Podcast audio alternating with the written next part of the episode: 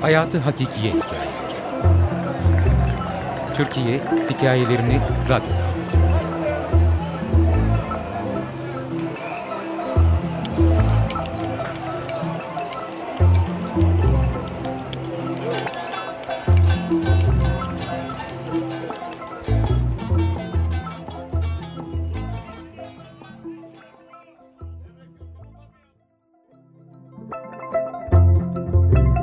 İlk haciz.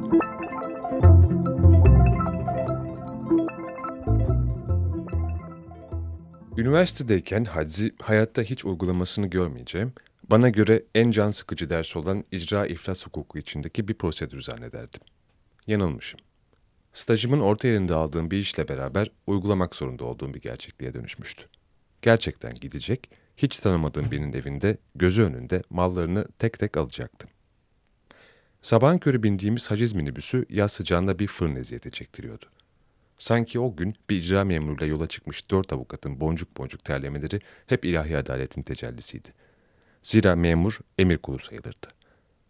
Üniversiteden hatırladıklarımı aklıma getirmeye çalışıyor, bir yandan da evde neler çıkabileceğini, daha da önemlisi adreste biri olup olmadığını merak ediyordum.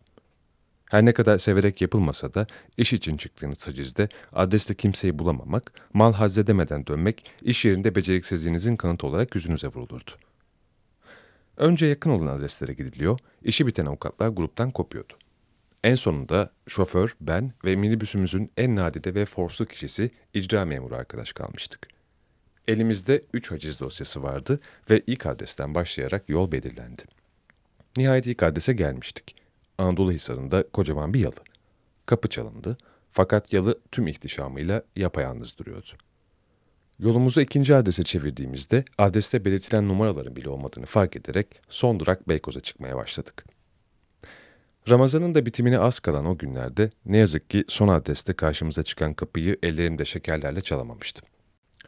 Kapı açıldı ancak adreste boşlu bulmanın görev sevinci yerini evin içine atılan her adımda üzüntü ve pişmanlığa bıraktı.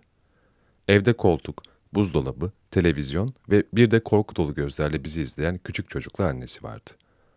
Aldığım talimat en işe yaramaz eşya sayılan televizyonun haciz işlemine konu edilmesiydi. Küçük çocuğun belli ki evdeki tek eğlencesini elinden alma görevi için benim gibi duygusal birinin seçilmesi dünyanın garip işlerinden biriydi işte sadece. Televizyonu evde bırakmak suretiyle hazzetmiştik. Buna da sevinmiştim. Evden çıkarken bilinçsiz bir şekilde küçük çocuğun eline bayram açlığı sıkıştırdım.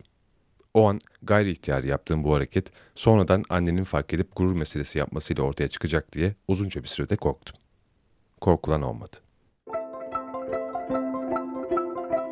İlk Haciz Yazar Mesut Bahtiyar Editör Sine Ergün Okuyan İlksen Mavi Tuna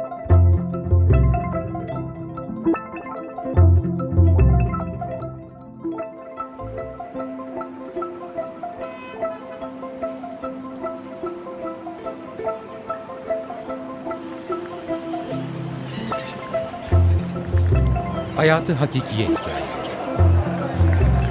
Türkiye Hikayelerini Radyo'da.